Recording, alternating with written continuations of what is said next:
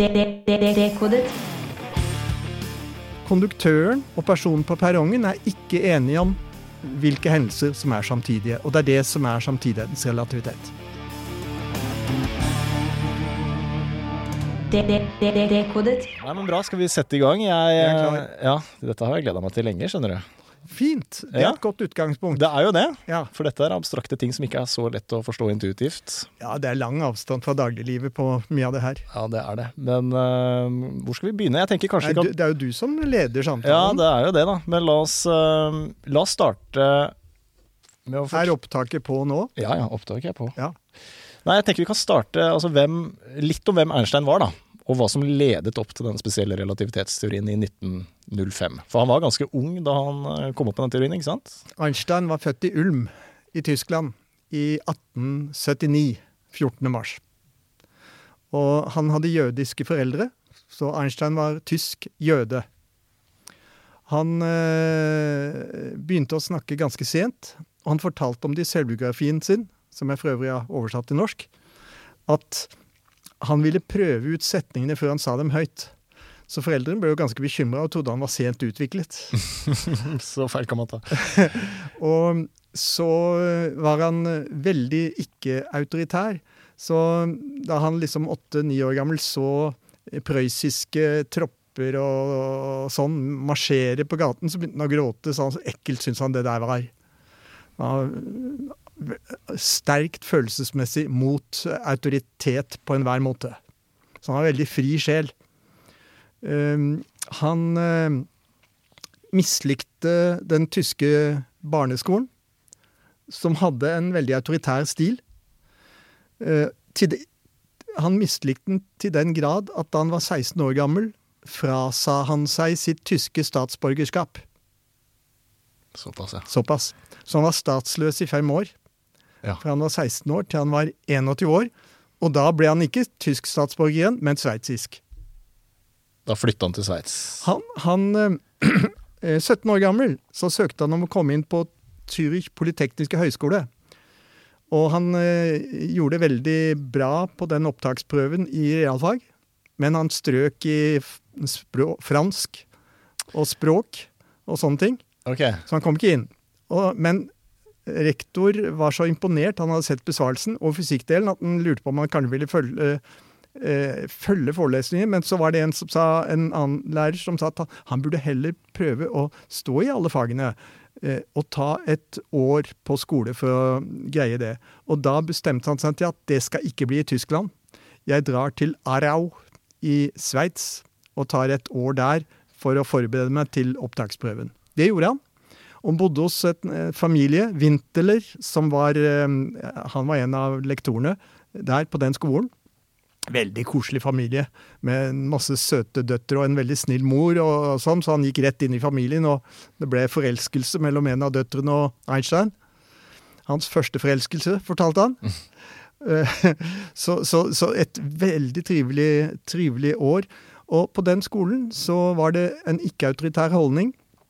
Og det var en, de hadde en innfallsvinkel til det å lære eh, som gikk på eh, observer og systematiser det du har observert, og skriv ned. Ja. Sånn, og så en ting til. Prøv å tenke visuelt. Det ble de også oppdratt til der. Og han hadde jo talent for akkurat det. Ja, veldig. Men det talentet fikk jo en veldig utvikling i løpet av det året. For én ting er å ha et slumrende talent, men, men der ble det stimulert.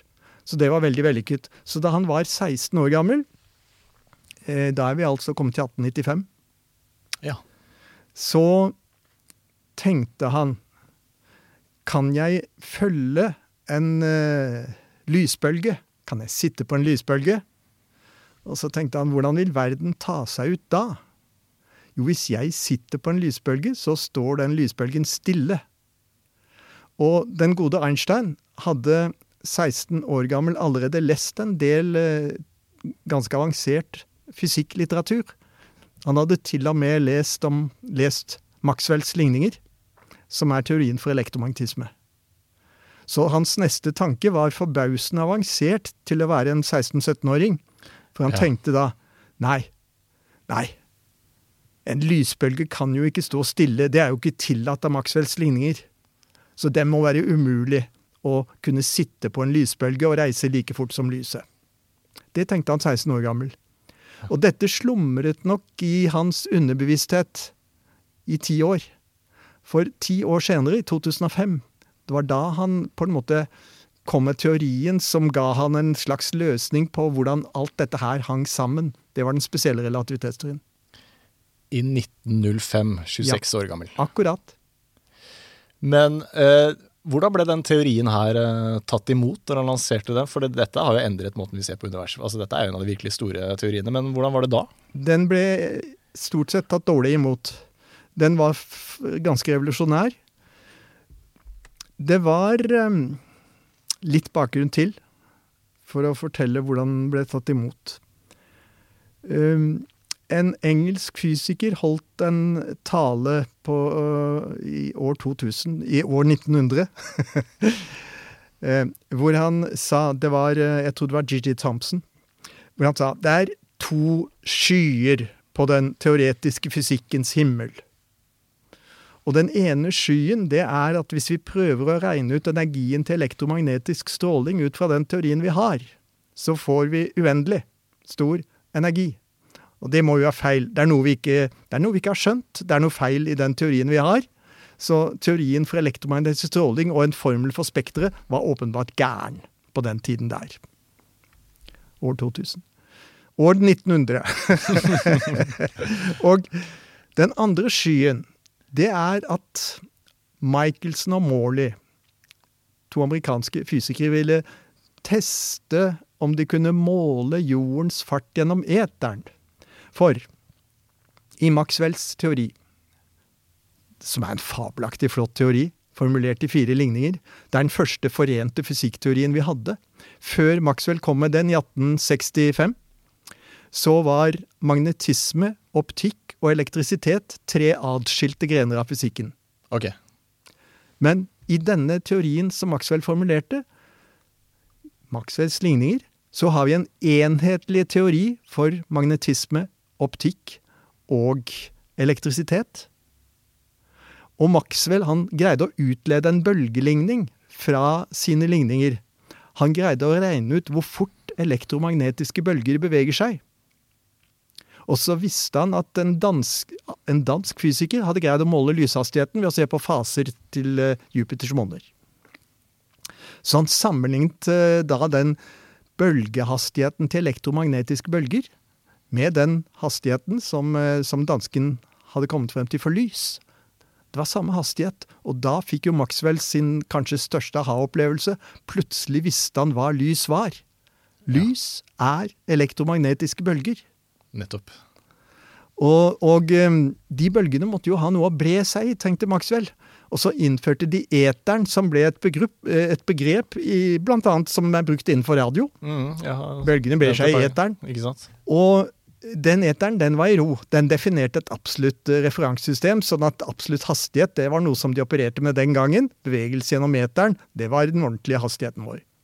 Og jorden, visste de, beveger seg rundt solen med 30 km i sekundet.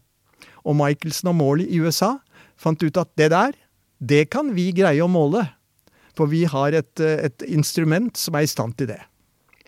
Så de gjorde det eksperimentet i 1887 og med nøyaktighet som var eh, mye mindre hastighet enn 30 km i sekundet, kanskje omkring 10, mellom 5 og 10 km i sekundet, skulle de kunne målt.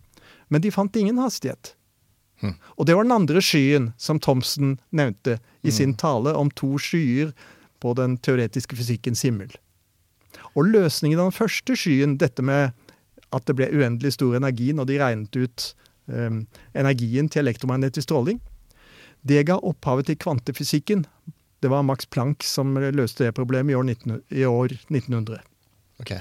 Og den andre løsningen, den andre skyen, viste seg i opphav til relativitetsteorien. Så det var litt av noen skyer som han identifiserte, den gode Thomsen. Og Einstein var jo eh, klar over de tingene her. Så, så, eh, og det, det, var jo fysikere på den tiden. Eh, disse tingene. Det var altså 1887 eksperimentet ble utført. Og det var over 2000 Thomsen holdt sin tale. år 1900. Ja. Thomsen holdt sin tale. Og fem år senere kom Einstein med sin teori. Og du spurte hvordan ble den tatt imot. Nå har vi bakgrunn for å si litt om hvordan den ble tatt imot. Det var det bildet de hadde. Og mange holdt på det. Eteren måtte jo eksistere. Absolutt hastighet måtte eksistere. Relativitetsteorien. Einstein sier hastighet er relativ. Enda litt mer bakgrunn. Vi hadde Galilei, som døde i 1642, det året Newton ble født. Han skrev i en dialog om verdenssystemene at tenk deg at du er under dekk i et skip, og den gang snakker vi om seilskip som ikke laget noe bråk, det var ikke noe motor der. Og så lurer du på om dette skipet er i ro eller i bevegelse. Og du vil gjøre en del eksperimenter for å finne ut av det, f.eks. helle vanndråper ned i en flaske. Og trille kuler. Gjøre masse forskjellige eksperimenter. Prøve en pendel, hvordan den beveger seg. Og så konkluderte Galilei med at uansett hvilket eksperiment du gjør, så greier du ikke å finne ut om den båten beveger seg eller er i ro. Så absolutt hastighet har ikke noe mening, sa Galilei. Det eksisterer bare relative hastigheter. Hastigheten til deg i forhold til meg. Akkurat nå er vi i ro i forhold til hverandre. Når jeg kjører bil, så beveger jeg meg i forhold til deg. Kun relative hastigheter de eksisterer. Og det ga opphav til det som ble kalt mekanikkens relativitetsprinsipp, fordi Galilei holdt seg til mekaniske eh, fenomener. Og kanskje var det slik at lys brøt med relativitetsprinsippet. Eteren, absolutt hastighet, det der. Så det var, det, var, det var enda mer av bakgrunnen for hvordan ble relativitetsteorien tatt imot. Og det var skepsis til at Einstein ville utvide mekanikkens relativitetsprinsipp til også å omfatte elektromagnetiske fenomener. Det gjorde han i 1905. Og det, det hadde ikke alle tro på at kunne være riktig. Og han søkte en stilling eh, på en høyskole i 1908. Og der skrev en i innstillingskomiteen at um, Einstein Unnskyld. Det var ikke det som skjedde. Det, det, var litt feil, det jeg sa der. Han, han søkte om å få godkjent en doktoravhandling. Og en i vurderingskomiteen skrev, og han hadde da lagt ved bl.a. sin spesielle relativitetsteori. Det var altså i 1908, tre år etter. Einsteins arbeid de virker jo veldig kunstige. Eh, Dette virker mer som spekulasjoner enn som eh, fysikk som dreier seg om hvordan verden er. Sånn ble det tatt imot der. Så Einstein fikk, fikk ikke godkjent den første, doktoren, første forsøk på å få doktorgrad. fikk han ikke godkjent. Nei. Det var for radikalt. Men de beste fysikerne, eller kanskje den beste, Max Planck, han skjønte verdien av Einsteins arbeid, så han fulgte opp dette allerede i 1906, året etter at Einstein kom med artikkelen sin, eh, med å skrive litt om eh, relativistisk tid, eh, relativistisk temperatur, og et par andre svært dyktige tyske fysikere fulgte opp. Men den ble ikke generelt godt mottatt. Så dårlig at da Nobelkomiteen skulle dele ut en nobelpris etter at Einstein hadde vært innstilt ti ganger i 1921, så valgte de å ikke gi han prisen for relativitetsteorien, men for en annen artikkel han kom med i, to, i, i, i 1905, nemlig en artikkel som formulerte teorien for fotoelektrisk effekt. Det fikk han nobelprisen for, ikke relativitetsteorien. Ha! Hvor lang tid tok det før relativitetsteorien faktisk ble ordentlig anerkjent, da? Det, det, egentlig var den eh, Nobelkomiteen veldig sein. Ja. For den var, den, i hvert fall den spesielle teorien, den var anerkjent på den tiden. Men det er to relativitetsteorier, og nummer to kan kanskje bli tema for neste samtale vi har. Det blir det. Eh, Så den første kom i 1905, den spesielle relativitetsteorien. Og den andre kom ti år senere, 1915, desember, Mm. den generelle relativitetsteorien. Så eh, den spesielle var ganske godt anerkjent omkring 1920. Ja, men det tok såpass lang tid, ja. Ja, det tok, eh, tok en eh, 15 års tid eh, cirka, og det var en gradvis prosess. Um, og så var det jo en komplikasjon etter hvert da med Tyskland og jøder. Så, så det, det, ble jo innført et begrep jødefysikk i Tyskland utover i 20-årene. Eh, det var antisemittisme ja. der. Så, så det, det, forstyrret også på en måte kanskje mm. noe av mottagelsen, ja. Eh, det der. Men, men eh, de, de, dyktigste fysikerne de skjønte jo at dette var verdifullt. Ikke sant? Ja. For han hadde jo ikke noe navn i 1905, sånn sett, kanskje? Ikke i det hele tatt. Han, han kom helt fra det ukjente. Her kommer en ung jypling og snur opp ned på alt du vet. Akkurat. Nettopp. Sånn var det. ja, ja. Men uh, så har det vist seg at uh, dette er kanskje den viktigste vitenskapsmannen i det 20. ja, århundret. Fordi, la meg nevne de fire artiklene. Gjør det. 1905. Den første, en teori for såkalte bronske bevegelser. Hvis du ser på kaffen med mikroskop, så går det an å se at du har enkelte partikler som beveger seg på en kaotisk måte på overflaten av kaffen. Det kalles bronske bevegelse fordi det først ble observert av en fysiker som het Brown. Og det hadde ikke noen god forklaring. Men Einstein han påsto da at eh, det må være dytt. De, disse partiklene vi ser som beveger seg sånn kaotisk, de må bli dyttet på av atomer. Og der var det en interessant ting. Før eh, Einsteins artikkel så, så, snakket man nok om atomer, men kanskje som en form for matematisk hjelpemiddel. Man var slett ikke sikker på at det var en ordentlig fysisk realitet. Hmm. Og Einsteins artikkel om bronske bevegelser, den fikk mye fler til å forstå at jo, atomer er ikke bare et matematisk hjelpemiddel, de eksisterer i naturen. Oi. Ja da. Så det er Einstein også? Det, det er nobelprisklasse over det arbeidet òg. Ja. Fikk han den, da? Han fikk den ikke for det arbeidet nei. der, nei. Men så kom den neste artikkelen, som han fikk den for. Ja. Nemlig teorien for fotoelektrisk effekt. Og da var det en fysiker, forferdelig nazikar forresten, som het Lenar, som gjorde en del glimrende eksperimenter. Hvor han så hvordan lys kunne brukes til å lage elektrisk strøm. Men han greide ikke å forklare observasjonene sine. Og alle brukte jo den gangen eh, det maxwellske bølgebildet av lys Lys er elektromagnetiske bølger. Men det funka ikke når det gjaldt å forklare fotoelektrisk effekt. Og Einstein, radikal og fri i ånden, som få, som ja, helt enestående, han gikk til det skritt og tenkte hm, sett nå at lys også kan oppføre seg som partikler. At det ikke bare er bølger. Enda så godt han kunne Maxwells teori om elektromagnetiske bølger, så frigjorde han seg fra det og tillot seg å tenke at sett nå at lys også kan oppføre seg som partikler. Og så tenkte han at lyspartikler, når de treffer et passende metall, så kan de slå løs elektroner fra metallet. Så blir det et uh, underskudd av elektroner på metallet, og så strømmer det uh, andre til det stedet. Det oppstår elektrisk strøm. Og han, uh, han regnet ut hvordan disse observasjonene til Lenard kunne forklares. Og alt stemte. Og dette fikk han nobelprisen for. Han ga oss den i dag gyldige teorien for fotoelektrisk effekt. Yes. Ja, Så Einstein er ikke bare mannen bak relativitetsteoriene. Han var den som skjønte at atomer er eh, noe reelt, og at lys er eh, fotoner og ikke bare bølger? Akkurat. Wow. Han var utrolig genial. Han, det er ikke uten grunn han regnes som den største fysikeren i det 20. århundre.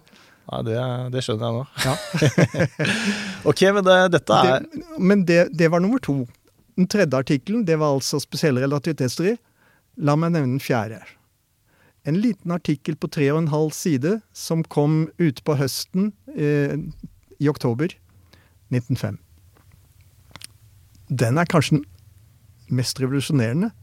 For der utledet Einstein som en konsekvens av den spesielle relativitetsteorien at E er lik mc i annen.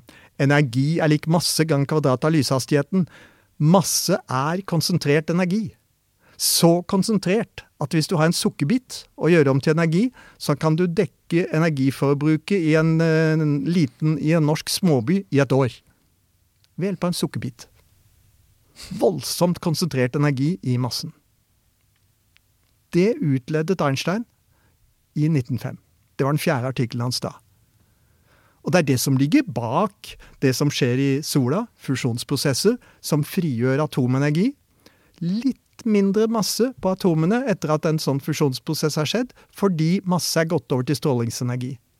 Ja. Det er en del av Einsteins forutsigelse at, at det der kan skje. Energi og masse er det samme. to sider av samme sak. Ja. Og, og, og, og det er en enorm energikonsentrasjon i massen. Enorm. C. lyshastigheten 300 000 km i sekund. Gjort om til vanlige SI-enheter, meter per sekund. Tre ganger ti i åttende, det er ti, ti i sjette, det er en million. Ti i åttende, 300 millioner meter per sekund. Det skal kvadreres. MC i annen. Så du tar massen og ganger med 9 ganger 10 i 16. Wow. Og da får du Og du, du, du har massen i, i kilo, og da får du ut hjul. Som er energienheten, vanlige energienheten. Og det, er, det blir enormt mye. Ett gram 10, eh, som har da 9 ganger 10 i 16 hjul, og det er mye, altså. Da har du et godt energireservoar. Så det, det, det skjønte Einstein. Og han var den første som utledet det. At i materien, i massen, så har vi et nesten ubegrenset energireservoar. Spørsmålet er hvordan kan vi gjøre det om til nyttig energi til elektrisk strøm? Det er det. E er lik MCA-en. Ja. 1905 var litt av et år. Det, var litt av, det, var, det kalles Einsteins magiske år. Ja, det gjør det, Ja. Med god grunn. Ja, med god grunn. Wow. Um, ok, da har vi litt bakgrunn. Da har vi det.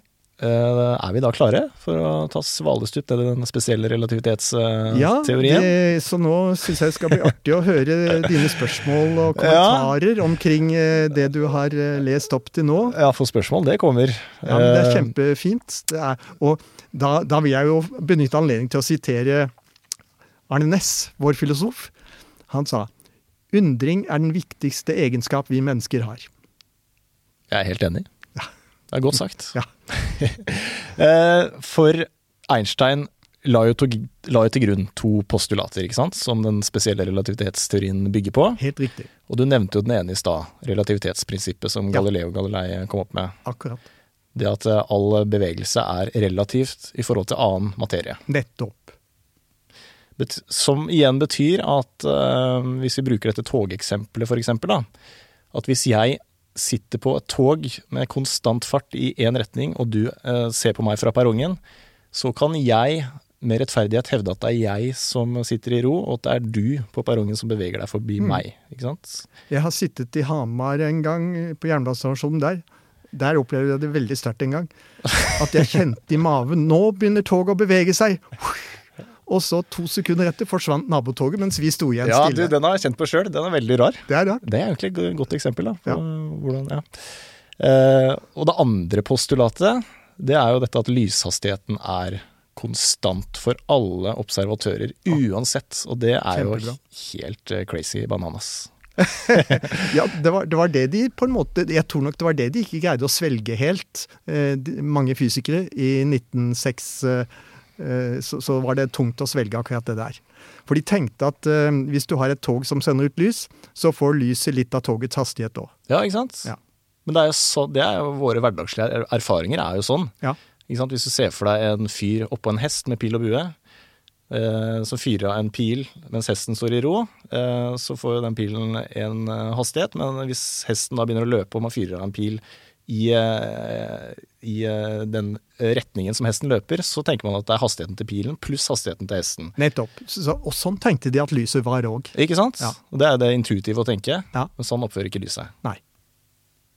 Ja, Det må jo få noen implikasjoner, da. F.eks. Eh, når Ja. det kommer til tid, og at det blir litt forvrengt og sånn. Og, og dette, som du sa, dette var altså et av de to postulatene. Så dette postulerte Einstein. Dette var utgangspunktet for teorien. Så han brukte ikke teorien til å bevise det, men han tok dette som utgangspunkt for å konstruere teorien. Ja, nettopp. Så sant? man må tenke at de to postulatene er gyldige for at teorien skal henge sammen. Ja, så så, så, så han utledet på en måte hvilke konsekvenser har nå disse to postulatene, sett i sammenheng med hverandre. Ja, og det er noen eh, ganske ville konsekvenser eh, og implikasjoner. Eksempel dette med samtidighetens relativitet syns jeg er veldig eh, spennende. Ja, det er nok det vanskeligste eh, begrepet, så å si, i hele relativitetsteorien, inkludert den generelle. Det er, det er, veldig mange som bommer og roter og ikke har tak på det der, og det er ikke så lett. Det er langt fra dagliglivet. Skal vi prøve å si noe om det, kanskje? Ja, du må gjerne gjøre det. Jeg skal ja. vi, vi, bruker toget. Ja, vi gjør det. Og du vil åpne døren forrest og bakerst samtidig. Da du er konduktør, og du sender da et lys forover til den forreste døren og et til den bakerste døren, eh, de går jo like fort, som du sa. Har ikke noe å si eh, hvordan du beveger deg. Du det går like fort. Og du kan oppfatte det slik når du er konduktør, la oss oppfatte det slik at du, du, du sier at toget er i ro. Sånn oppfatter du situasjonen. Du har lov til det. Det er tillatt. Det er en del av relativitetsprinsippet. Så de åpner seg samtidig, sett fra konduktøren som er på toget. Men dette toget det passerer altså forbi perrongen nå i full fart. Da vil den bakerste døren nærme seg gå mot lyssignalet. Det sendes ut fra midten av vognen, det lyssignalet. Og den forreste døren den prøver å løpe fra lyssignalet i samme retning som signalet beveger seg. Så den bakerste døren som møter signalet, den vil da treffe signalet før den forreste, som går i samme retning som signalet. Ser du den? Mm, ja, ja. Altså, de hendelsene at dørene åpner seg, som var samtidige sett av konduktøren i toget, er slik at den bakerste skjer først, sett av observatøren på perrongen. Mm. Så konduktøren og personen på perrongen er ikke enige om hvilke hendelser som er samtidige. Og det er det som er samtidighetens relativitet. Og det som er helt vilt med det, er jo at begge to har rett. Ja, på en måte. Så, så mm, begge har lov til å oppfatte seg selv som i ro. Både han på perrongen og han i toget. Og det er jo en, det er relativitetsprinsippet. Ja. Så Einstein holdt fast på den gyldigheten av at enhver observatør med konstant fart, derfor den spesielle relativitetsteorien med konstant fart, har rett til å oppfatte seg selv som i ro. Riktig. Så det finnes ikke en sånn universell samtidighet. Altså En hendelse som oppfattes som samtidig for en person på toget, Nei. er ikke samtidig for en person Da måtte man hatt absolutt hastighet. Og, så du kan også si at Einstein han kuttet over den gordiske knuten som eteren representerte, og sa eteren eksisterer ikke. Nei, bort med den. Ja. Ikke så greit. Ja. Men hva betyr det, da? At uh, samtidighet er uh, relativt? Betyr det at klokkene våre tikker i ulikt tempo? De gjør, De det, gjør det, selv om det er en litt annen ting enn okay. en samtidighetsrelativitet, så er det sammenheng der. Det er det ikke, men det ene er ikke en konsekvens av det andre. Ok, nei. Men, men det er en sammenheng. Ja. Eh, Men jeg kan ta, ta en annen ting som det betyr, som var veldig viktig for Einstein, og som han begynte å tenke på høsten 1907. Da ble han bedt om å skrive en oversiktsartikkel om relativitetsteorien i Jahrbuch der Physik. Så da begynte jo noen å være veldig interessert i relativitetsteorien, da, da han fikk det oppdraget. Og han skrev en artikkel på godt og vel 50 sider. Og det siste kapitlet, da tenkte Einstein jeg må skrive noe om konsekvensen av den spesielle relativitetsteorien for Newtons gravitasjonsteori, for gravitasjon. Og da kom dette med samtidighetens relativitet. For Newtons gravitasjonsteori, den tillater i hvert fall, om ikke annet, så tillater den gravitasjonen å bre seg uendelig fort.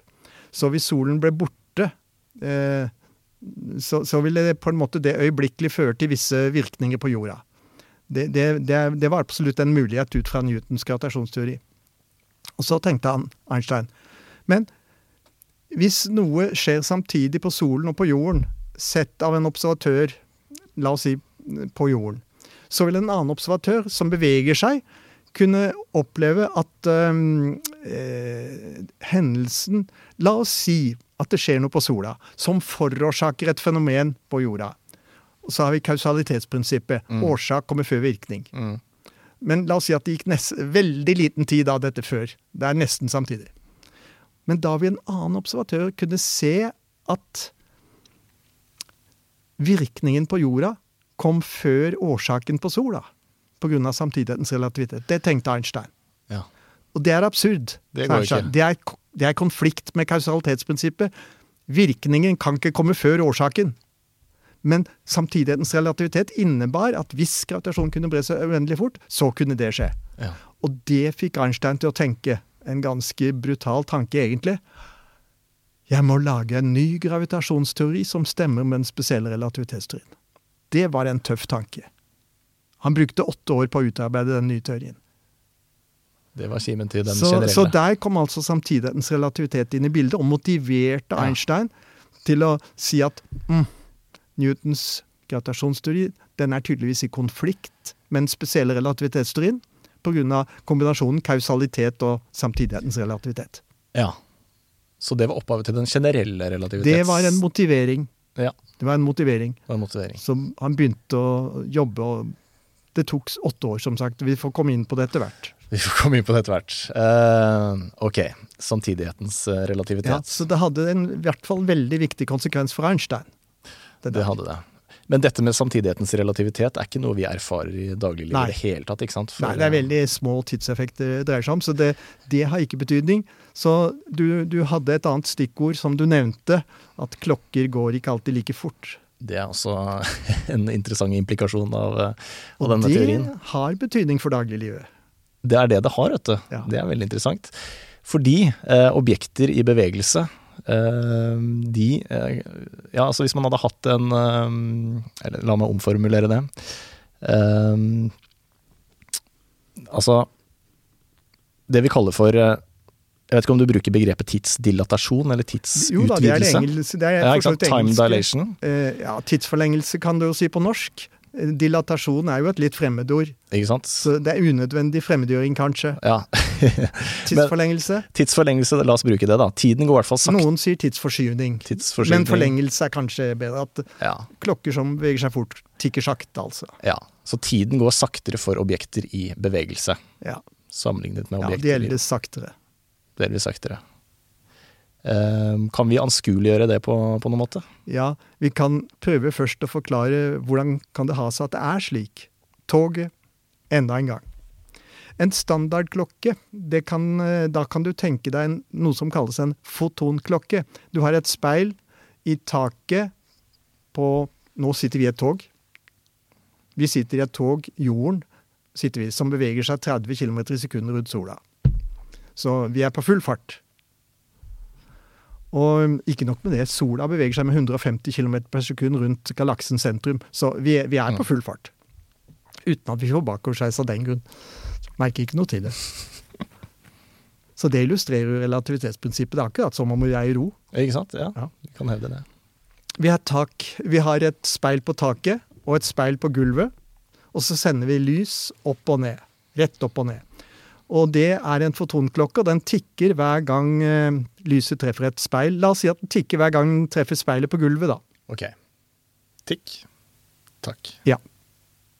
Så ser vi oss utenifra, fra en, et referansesystem som ikke følger med i jordas bevegelse, som ser at vi farer forbi med 30 km i sekundet. Og istedenfor at lyset da går rett opp og ned, så vil jo speilene har beveget seg vannrett mens lyset har vært på vei opp og ned, så det blir en sånn sagtagget kurve. Mm. Du ser det for deg? Ja.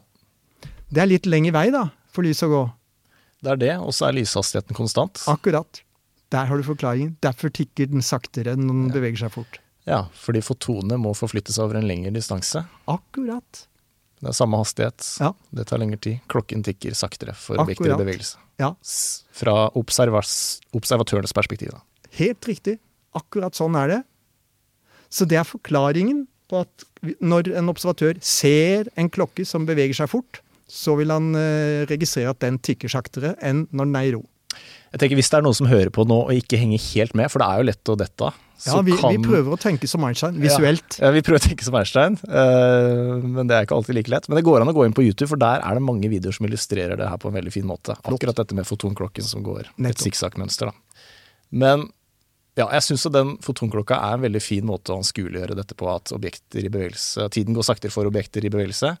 Men så kom jeg over en video som jeg syns uh, ga meg i hvert fall en litt mer intuitiv forståelse av hvordan tid og rom henger sammen, og hvordan bevegelse gjennom rommet påvirker bevegelsen gjennom tiden.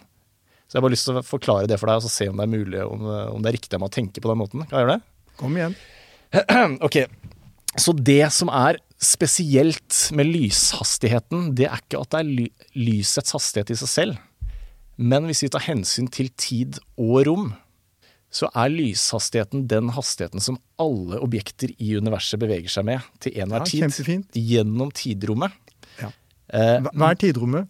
det er firedimensjonale virkeligheten vi lever i, Og den fjerde dimensjon? er tid. Ja. Ja. Men denne hastigheten da, som vi alle beveger oss eh, med i tidrommet, den er fordelt mellom to dimensjoner, mellom rom og mellom tid. Det vil si at vi som sitter her nå stille overfor hverandre, vi sitter i hvert fall stille relativt til rommet, eh, vi beveger oss med maksimal hastighet gjennom tiden, Ja. men ikke noe hastighet gjennom rommet. Utmerket. Men hvis vi hadde begynt å løpe bortover, så hadde noe av bevegelsen gjennom tiden blitt konvertert til bevegelse Ja, gjennom rommet. kjempefint bilde. Og fordi det er en konstant, så er det mindre igjen til tid, og ergo går tiden saktere. Ja, men det er utmerket. Og, og hvis vi hadde takk, og hvis vi hadde løpt eh, nærmere lysets hastighet, jo fortere vi løper, jo saktere går tiden, og nærme lysets hastighet, så er det eh, nesten ikke noe igjen i gåstein til tid. Fin Derfor, beskrivelse. derfor går tiden veldig sakte. Veldig bra. Og hvis vi ser for oss et foton, så har den brukt opp all hastigheten til bevegelse gjennom rommet, så det er ikke noe igjen til tid. Ja. Så hvis vi hadde satt en hypotetisk klokke oppå et foton, så ville vi sett at tiden står helt stille. Ja, men det stemmer. Ikke sant? Ja, helt bra. Og hvis eh, fotonet på magisk vis hadde hatt muligheten til å bremse opp, så ville klokka plutselig begynt å gå. det går jo ikke, da. Men eh, er det Kan jeg tenke sånn? Ja. Det, det er helt sånn. utmerket, det. Å tenke ut fra tidrommet, det firedimensjonale tidrommet, tre romlige dimensjoner av tid. Ja, det er eh, veldig, veldig bra forklart, det der. Ja, fordi jeg syns det Det er jo abstrakte ting vi snakker om, men akkurat det ga meg litt mer intuitiv forståelse av hvordan det kanskje henger sammen. Da. Ja, nettopp. Så, Og jeg liker også å tenke på den måten. ja. Og, og eh, vi lager jo såkalte Minkowski-diagrammer for å illustrere dette grafisk, den tan tankemåten der. Riktig. Ja, Så bra. Jeg var redd du skulle si nei, skjønner du. Og da hadde liksom Nei, da. bare falt sammen. Utmerket beskrivelse. Jeg har brukt den sjøl i forelesninger. Ja. ja, så gøy. Eh, YouTube, altså. Der kan du finne mye, mye Ja da. Det er jo veldig mye bra. Det er det. Eh, Så det er det. Så bra. Men eh, dette med liksom tidsforflytning eller dilatasjon, eller hva vi skal kalle det, det er jo eh, Det er jo ikke bare matematikk eller eh, teori, det er jo faktisk eh, Vi har jo målt dette her eksperimentelt, da. Ja. Og da tror jeg vi hopper rett videre til en eh, generell relativistisk tidsvirkning, ja. altså til sammenheng gravitasjon-tid.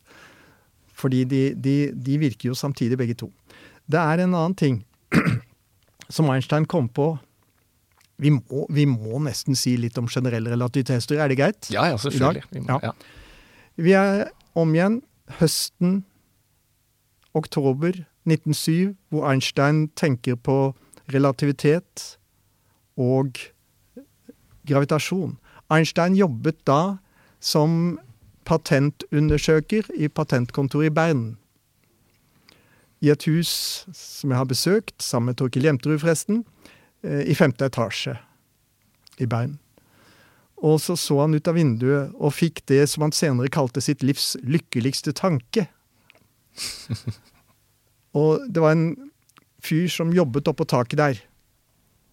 Og sett nå at han datt ned. Da ville han, mens han var i fritt fall, ikke merke noe til gravitasjon. Hadde han hatt med seg en badevekt da, så ville den vist null så lenge han var i fritt fall. Så gravitasjonen ble borte når han var i fritt fall. Og så tenkte Einstein videre. Ja, men det omvendte, da, tenkte han.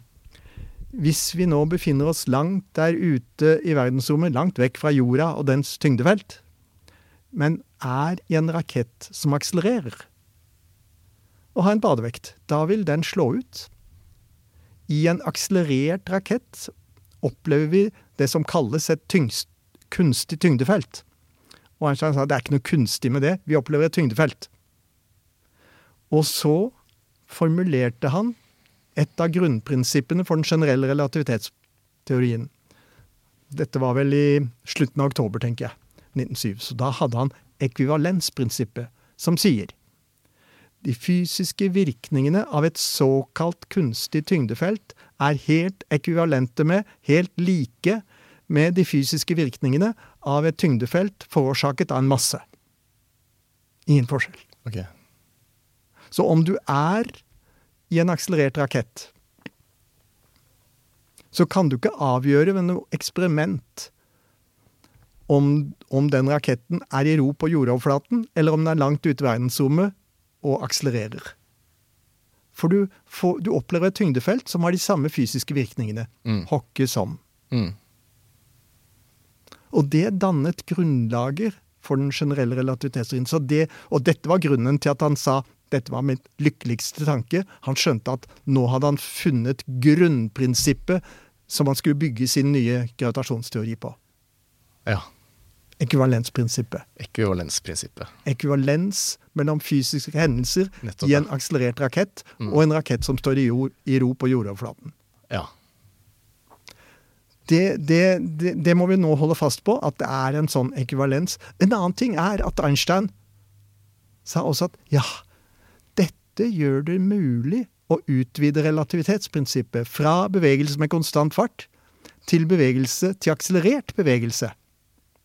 For hvis vi nå sitter i en sånn rakett, kanskje vi gjør det,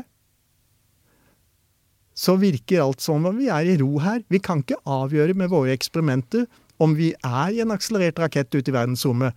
Jeg forutsetter helt stillferdige motorer, så vi ikke merker noe som helst til det. Eller om vi er i ro på jordoverflaten. Så selv akselerert bevegelse blir relativ. Selv, selv en en akselerert rakett, kan oppfatte seg selv som i ro. Ja. Fordi han gjør de samme erfaringene som oss som sitter her på jordoverflaten. Så det var en u og derfor ble navnet på den nye gravitasjonsteorien den generelle relativitetsteorien. Ja. Det var årsaken. Den omfattet også gravitasjon. Ne ja, det gjorde den. Og relativitetsprinsippet ble utvidet fra bare å gjelde for konstant fart til også å gjelde akselerert bevegelse. Mm. Derfor den generelle Ja, relativitetsteorien.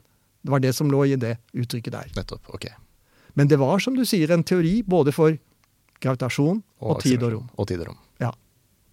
Og så var det Hvilke konsekvenser har dette når det gjelder tid? Og nå kommer et resonnement som Einstein presenterte da han var professor et år i Praha i 1911. Han kom med en nydelig artikkel, kanskje en av hans vakreste artikler der, hvor han har et veldig flott resonnement som vi tar sjansen på å ta, tror jeg. Kjør på. Tenk deg nå at eh, vi er i et laboratorium, her hvor vi sitter, men det er i en akselerert rakett ute i verdensrommet. Og det Einstein er en mester til å gjøre, det er først å beskrive tingene sett fra et referansesystem. La oss si at først vil vi beskrive dette utenifra, der vi ser raketten akselerere. Etterpå så gir han en beskrivelse fra den som sitter inni raketten, og oppfatter den som i ro. Så to beskrivelser nå. Sett utenifra. Den raketten, dette laboratoriet vårt, det har et vindu i taket og et vindu i gulvet. Og Einstein innleder artikkelen med å skrive vi skal nå se på en situasjon der forholdene ikke endres med tiden. Så slippes det lys inn fra vinduet og passerer gjennom laboratoriet og ut igjen fra vinduet i gulvet. Jeg må si et par ord om noe som kalles dopplereffekt, for å kunne gjennomføre resonnementet. Dopplereffekt. Det brukes i radarmålinger. Så blir du tatt i en radarkontroll, så har dopplereffekten vært ute og, og eh, funnet ut hvor fort du kjørte.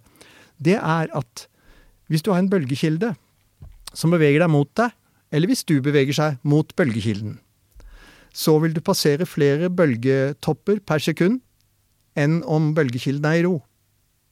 Så du får en forskyvning i retning av høyere frekvens.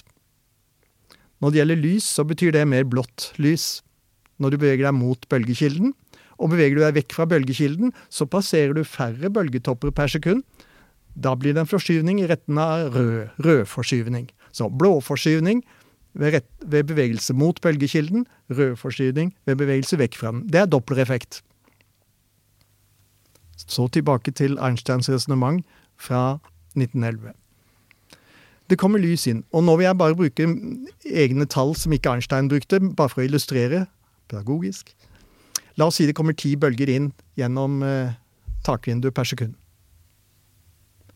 Så, be, så bruker bølgene litt tid på å bevege seg fra taket til gulvet. Og vi har, husk at nå ser vi på en akselerert rakett. Så gulvet får da en fartsøkning mot bølgekilden mens bølgene beveger seg fra taket til gulvet. Så da har de en bevegelse mot bølgene når, det, når de passerer gjennom gulvvinduet. Da kommer dopplereffekten inn i bildet. Litt høyere frekvens, litt flere bølger per sekund passerer ut gjennom gulvvinduet enn det som kom inn gjennom takvinduet. Mm. Men da vil jo rommet tømmes for elektromagnetiske bølger. For elektromagnetisk stråling. Det kommer flere bølger ut Ja. fra gulvvinduet enn det kommer inn fra takvinduet pga. dopplereffekten. Mm. Og det, sa Einstein, det er jo der er det jo en selvmotsigelse, for jeg, jeg valgte å se på en situasjon hvor forholdene ikke forandrer seg med tiden. Og nå tømmes rommet for elektromagnetiske bølger. Her er det noe feil. Mm. Og så brukte kanskje Einstein en måned på før han skrev neste setning. Tenkte knallhardt. Og kom med en revolusjon, revolusjonerende setning. Han sa, om, med, med, med våre ord, da Dette må bety at hvert sekund varer litt lenger nede ved gulvet enn oppe ved taket. Mm. For da kan det slippe ut flere bølger per sekund nede ved gulvet uten at rommet tømmes. Nettopp. Og så sa han, og nå kommer hans bruk av ekvivalensprinsippet. La oss nå beskrive situasjonen fra den som sitter i raketten. Da er det ikke noe dopplereffekt. For nå er alt i ro. Nettopp, ja. Og da sier han, men den som sitter i raketten opplever et tyngdefelt. Og det at flere slipper ut fra gulvet enn fra taket, sånn vil det være. Enten du beskriver det utenifra, eller fra den som sitter i raketten. Så Einstein sa, aha, ja da må det være slik at tiden går langsommere langt nede i et tyngdefelt enn høyt oppe. Klokkene tikket langsommere ned ved gulvet for å kunne slippe ut mer lys der uten at det går tomt for elektromagnetisk stråling i rommet. Så han utledet på den måten i 1911, da, jeg syns det er et nydelig, nydelig resonnement, at i gravitasjon, i et tyngdefelt, så går tiden langsommere langt nede enn høyt oppe. Ja. Omvendt, klokker høyt oppe går fortere. ja. Og det der har betydning hvis vi skal begynne å se på praktiske ting, sånn som eh, GPS-systemet. Der har vi satellitter hvor vi er avhengig av en enormt nøyaktig tidsmåling for å kunne gjøre eh, eh, For å kunne bestemme posisjonen til legemer ned til centimeternivå, som er helt fenomenalt, men såpass fenomenalt er det systemet. Mm. Og hvis vi måler feil tid på klokker i satellitten, så spoleres det hele. Mm. Det var et militært system. Så da det ble satt i gang, så sa fysikerne at her må vi gjøre relativistiske korreksjoner, både når det gjelder satellittenes hastighet, men også det at de er høyt oppe i et tyngdefelt, generell relativitetsteori. Og da omtrent fnyste generalene og sa generell relativitetsteori, dette har ikke noe med generell relativitetsteori å gjøre, det behøver vi ikke gjøre. Men de aksepterte å legge inn en frekvensregulator, men de ville ikke sette den på. Og etter to måneder så viste hele systemet feil posisjoner. Mm. Så satte de på frekvensregulatorene, bestemt ut fra det at klokker går fortere høyt oppe i et tyngdefelt enn lavt nede, og fra da har systemet funket. Det er jo helt fantastisk. Det er det. Der har du beviset, altså. Ja. Jeg blir helt uh, paff. Det er fint. Dette er uh... Det, også, også det at Einstein forutsier dette i 1911. Ja. Og så- og så får det praktisk betydning 100 år seinere. ja det, er, Eller noe sånt. det er vakkert. Ja, det er vakkert. Oi, oi, oi. Eh, men det er jo flere bevis da på at eh, tiden beveger seg langsommere for objekter i bevegelse. F.eks. Ja da. dette atomureksperimentet, Ja, absolutt. som også er veldig interessant. Havel-Keating-eksperimentet, ja. 1971. Da tok de med seg Havel og Keating atomklokker, cesiumklokker, noen svære beis. De fylte hvert sitt sete. Og de hadde ikke råd til å chartre noe fly, så de måtte reise med rutefly. så, De så de måtte gjøre skikkelige beregninger som tok hensyn til landinger og ruta og alt sammen. For de skulle sammenligne reisetiden målt på cesiumklokken i flyet med klokker som sto igjen i Washington Airport. Mm. Og de gjorde to reiser. En hvor de reiste samme vei som jorden roterer, og en hvor de reiste motsatt vei.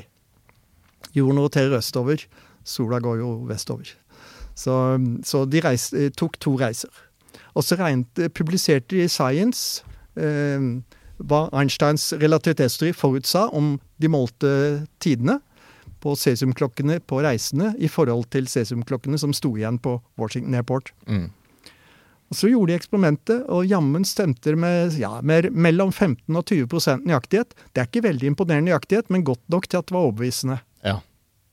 Så da fikk de testet både eh, den hastighetsavhengige tidsforlengelsen fra den spesielle relativitetsteorien og den posisjonsavhengige tidsforlengelsen fra eh, gravitasjon fra den generelle relativitetsteorien. Nettopp, Begge ble testet. De måtte ta hensyn til begge teoriene, Begge to. ikke sant? og Ja. regne inn det. Ja, For flyene var jo en 10 km høyde omtrent. Nettopp, ja. Har de testet dette med enda større nøyaktighet senere? Ja. Eh, blant annet når det gjelder GPS-en. Eh. Da er det 20 000 km som er høyden.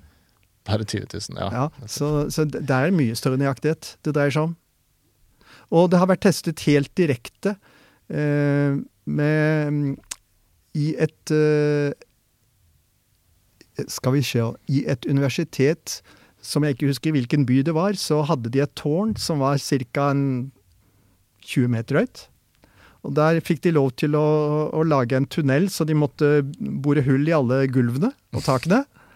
Slik at de kunne sende lys fra loftet og ned til kjelleren. Ja.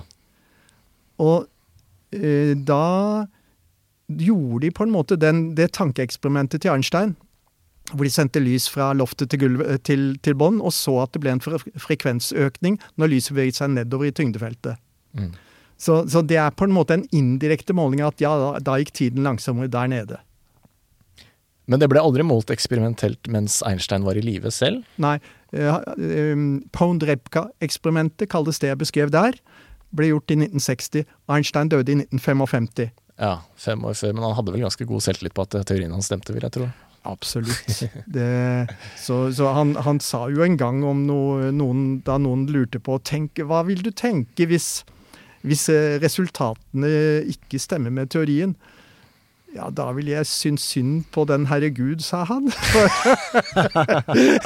For, for, teorien er riktig, sa han. Ja, men han var jo en sitatmaskin. Han var veldig selvsikker. Han var det. Og litt for av og til. Han, eh, han, eh, Ja. han tok jo av og til feil. Han hadde mange fine sitater. Han var en sitatmaskin. Ja, ja veldig. Ja. Flotte, flotte utsagn ofte. Men han, han tok feil av og til, ja. Absolutt. Ja, Og det, det er jo veldig menneskelig, da. Han var jo modig, han kom jo med masse radikalt. Eh, Og da kan jeg jo fortelle en historie. Da. Det var den jeg begynte på i sted. Da han søkte om, om en stilling på universitet på Høgskolen i Zürich, så var den franske matematikeren Henri Poincaré med i vurderingskomiteen og skrev om Einstein. Og nå er vi omkring 1910 der omkring. At han er en person som prøver ut alle muligheter. Ofte blir det feil, men noen ganger blir det korrekt. Og det er tilstrekkelig. Einstein fikk den stillingen. Det, er, det er vakkert. Ja, Men det er jo dette her som er helt utrolig. At, eh, at det har jo faktisk eh, praktiske konsekvenser. Det at eh, tiden er relativt, og din klokke tikker i ulikt tempo sammenligna med min. Einstein opplevde jo å få bekreftet en, noen konsekvenser av teorien. Eh, Det var særlig den generelle, men også den spesielle. Og, og dette fikk han jo til å undres. Det var nesten som om naturen adlød teorien. Så han sa, et av hans mange fine sitater som du var inne på, det mest uforståelige med naturen er at naturen er forståelig. Ja.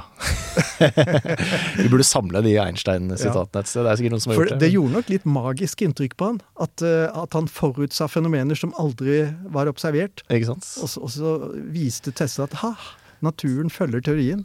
Det må jo være verdens beste følelse. ja, det er ganske stort.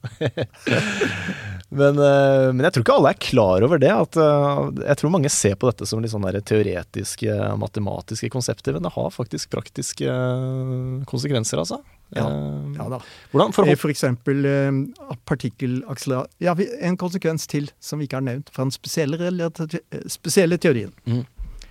Det er at hvis en partikkel med en viss masse beveger seg fryktelig fort, da øker massen.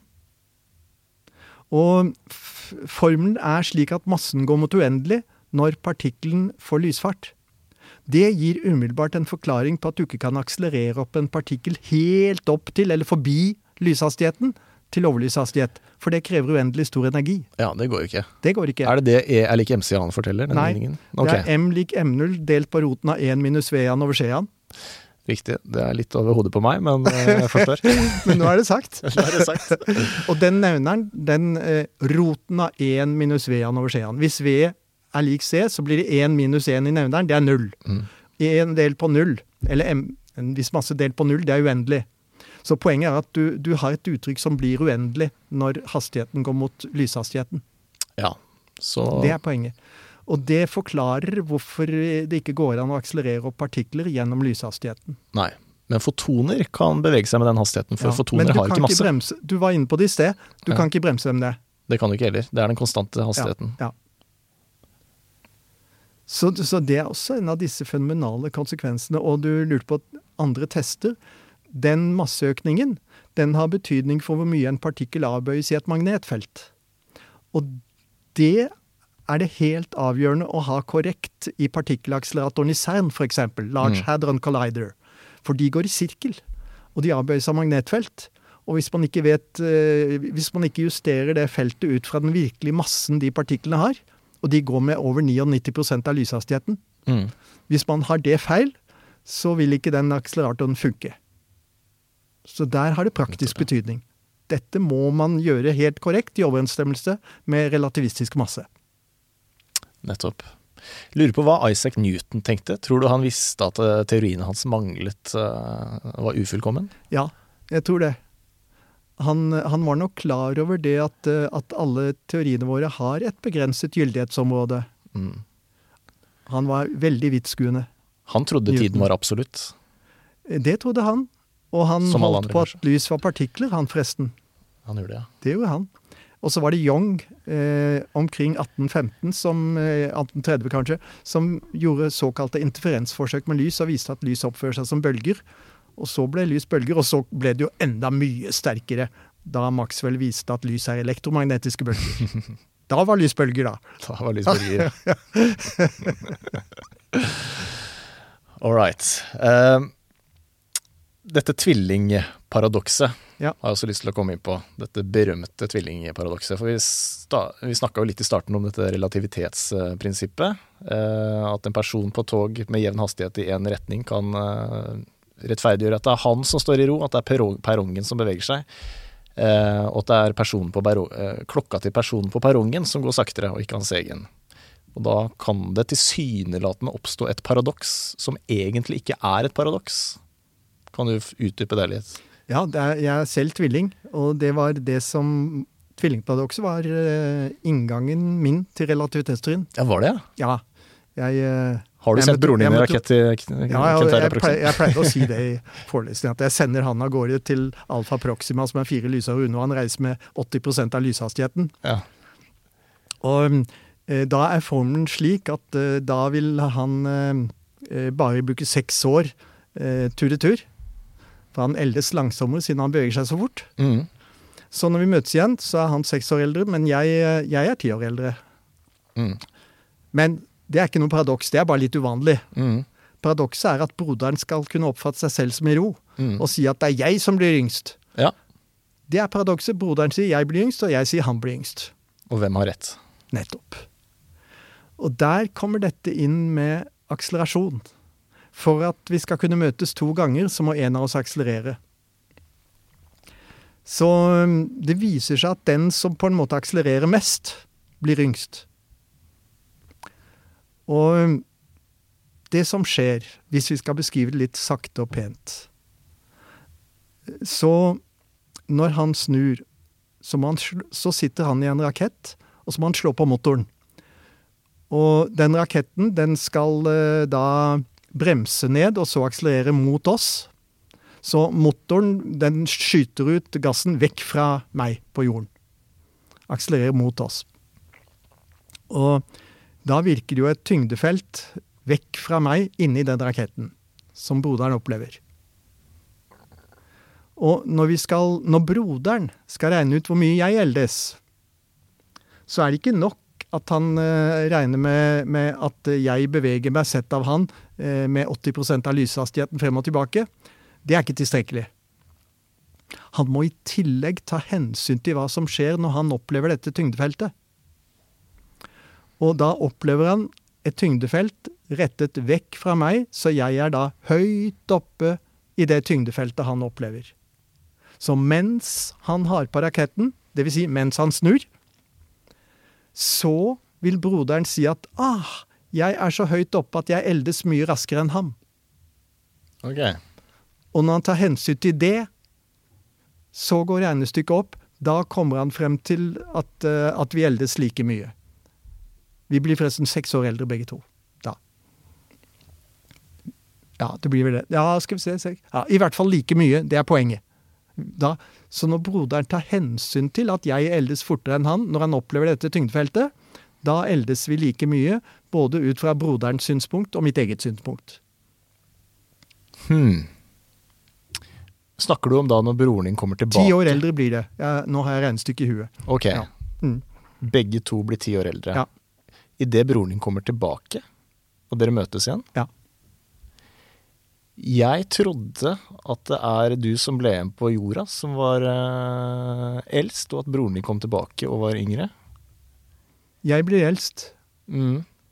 Og broren er yngre.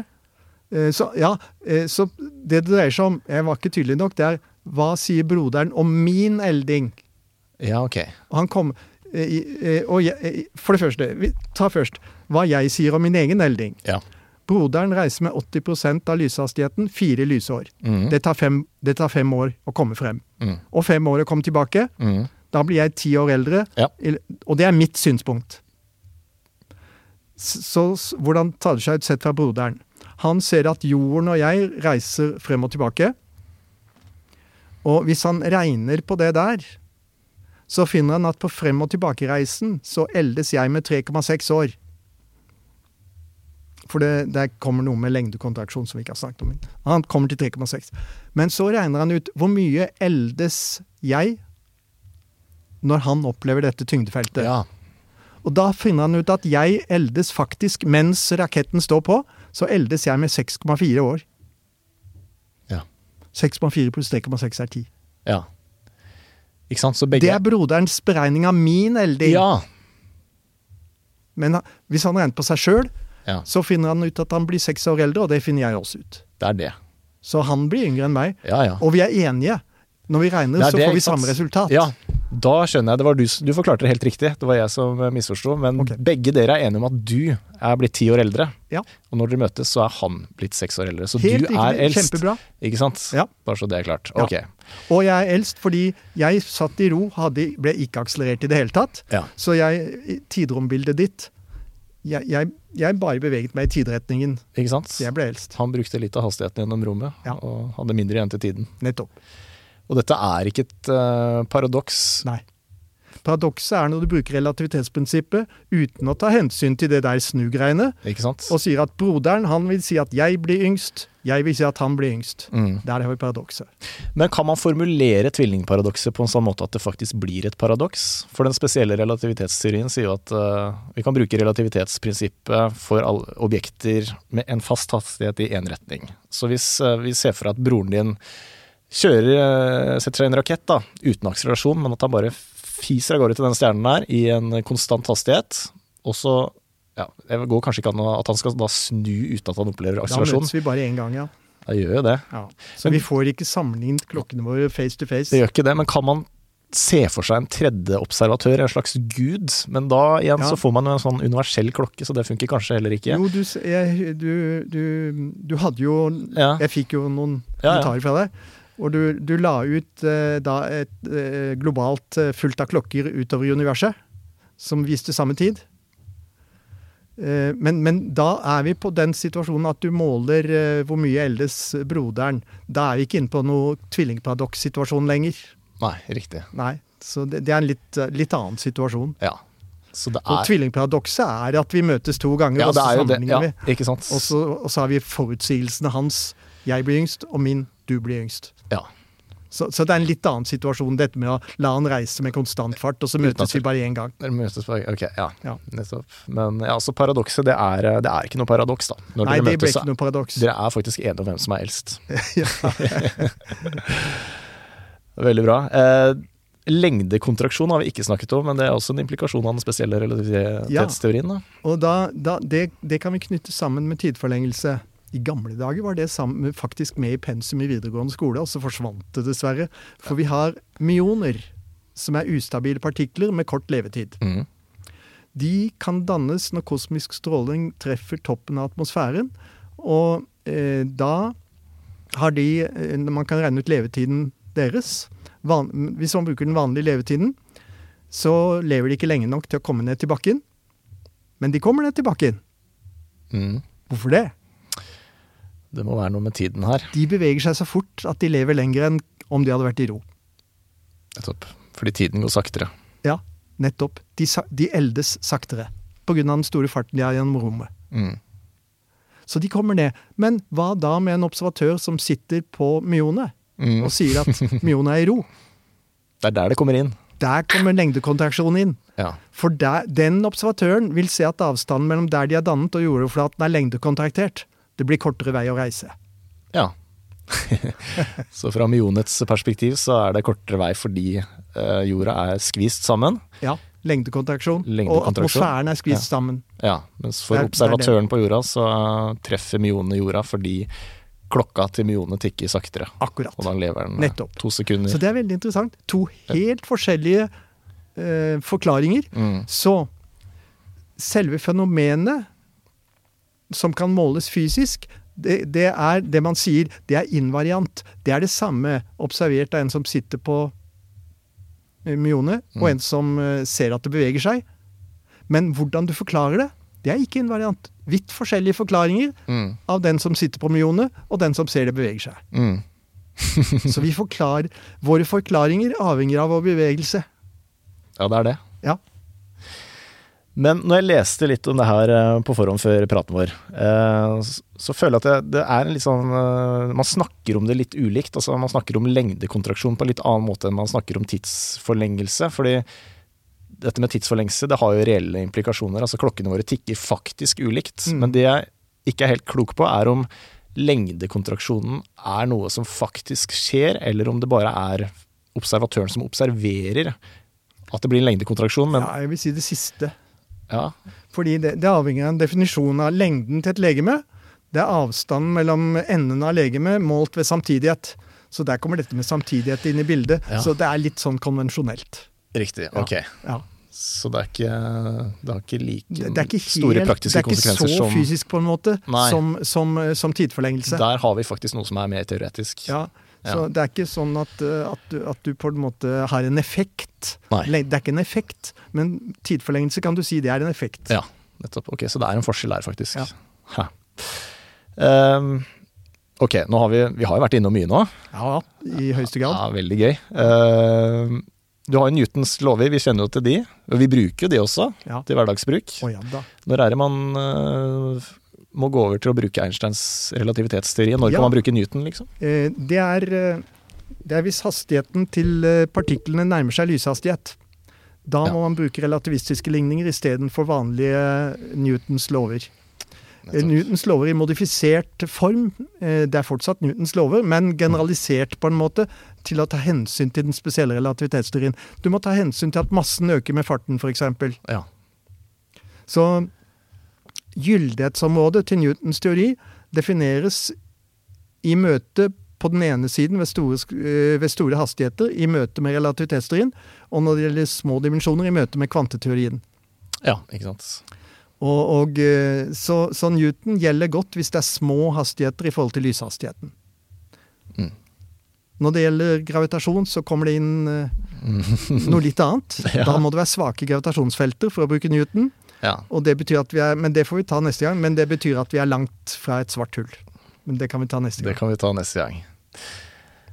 Skal vi uh, si at det var greit? Ja. Tror du dette var spesiell relativitetsteori? Og pluss at vi måtte ha med den eh, gravitasjonelle tidseffekten ja. for å få en helhet i hva vi snakket om. Ja, Og en liten smakebit på det som kommer. Ja. Også sammenheng, på en måte. Ja, ja. Når vi skulle beskrive ordentlig hva som skjer når, når det gjelder GPS-satellittene, f.eks. Ikke sant. Ja. Takk for praten, Øyvind. Veldig interessant. I like måte.